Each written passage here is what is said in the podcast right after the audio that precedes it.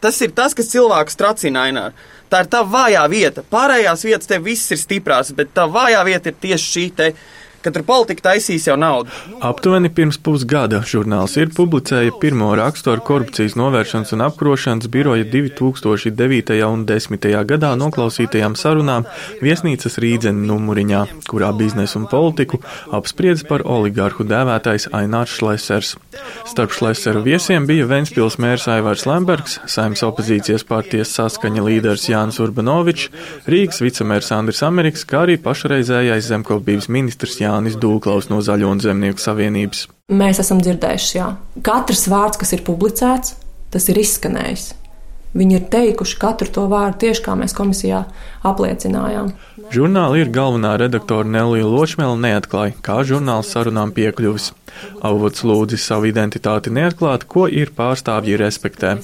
Sarunu publicēšana deva sabiedrībai priekšstatu, kā politiķi Latvijā kārto darījumus.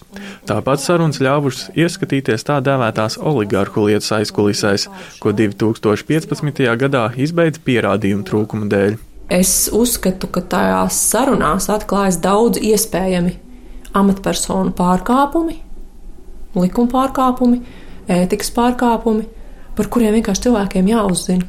It sevišķi tāpēc, ka mēs skaidri zinājām, ka likums netiks, pie likumīgas atbildības neviens šeit netiks saukts, jo tā lieta ir jau izbeigta. Ločmēls stāsta, ka par sarunu publicēšanu redakcijā šaubu nebija. Pirms tam gan žurnāls rūpīgi vērtējis, ko no apjomīgā materiāla sabiedrībai ir svarīgi uzzināt. Šīm sarunām, protams, ir juridisks status, un vienīgais, kas attaisno, ka mēs publiskojam jebko no tā, ir sabiedriskais nozīmīgums. Tāpēc par katru lietu, ko mēs publiskojam, ir jābūt skaidram, kāpēc mēs to darām kā žurnālisti, kāpēc sabiedrībai to ir svarīgi dzirdēt. Un tās ir ļoti svarīgs kriterijs, kur mēs gājām cauri, lai mēs arī nepubliskotu neko tādu, par ko mēs nevaram skaidri pamatot, kāpēc tas ir nozīmīgi. Žurnāla redakcija nolēma sarunas struktūrēt trijās daļās. Pirmais bloks sastāv no amatpersonas slēptās intereses uzņēmumos un varas izmantošanas savtīgiem nolūkiem. Otrais bloks ietver politiķu aizkulišu vienošanos par koalīciju ar saskaņu. Savukārt trešais - mēdīju vidas degradēšanu un ietekmēšanu. Pēc sarunu publicēšanas tās ziņu virsrakstus nav atstājušas joprojām. Savu artavu tajā ir devusi arī Saimnes parlamentārās izmeklēšanas komisija, kuri gan paši Saimnes deputāti, it īpaši neoficiāli, oficiālās sarunās kritizē un sauc par bezjēdzīgu. Nelija Ločmēla tikmēr par absurdu dēvē faktu, ka komisijas priekšsēdētājai Ingūnai Sudrabai no partijas nosirs Latvijai nav pielaids valsts noslēpumam. Viņas prāt tas parāda mēģinājums jau saknē traucēt komisijas darbam. Tomēr Ločmēla uzskata, ka komisija nebūtu nav bezjēdzīga, jo tā ļaus saprast iemeslus, kāpēc oligarhu lietā neviens tā arī netika sodīts vai tur prokuratūra ir pielikusi savu roku, vai kurš tur ko nav izdarījis. Un šobrīd, ejot cauri šiem dokumentiem, tie fakti atklāsies. Viņi jau tagad nāk gaismā, bet būs secinājumi, es domāju, gan pašai komisijai, gan varbūt deputātiem, kur ir vairāk ieinteresēti kaut ko atklāt. Vienlaikus, es domāju, tam ir arī politiski tāda jēga ar to, ka mēs ieraugam šos spēlētājus un politiskos, kā viņi pozicionējās pret šo milzīgo skandālu.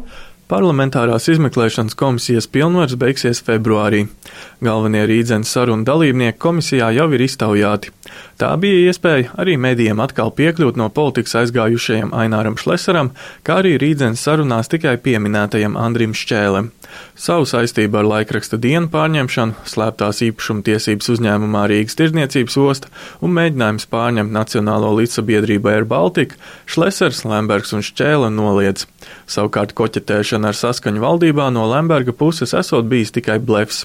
Uz nākamo komisijas sēdi uzaicināti bijušie knapi darbinieki, šobrīd politiķi Juta Strīķi un Juris Jurašs.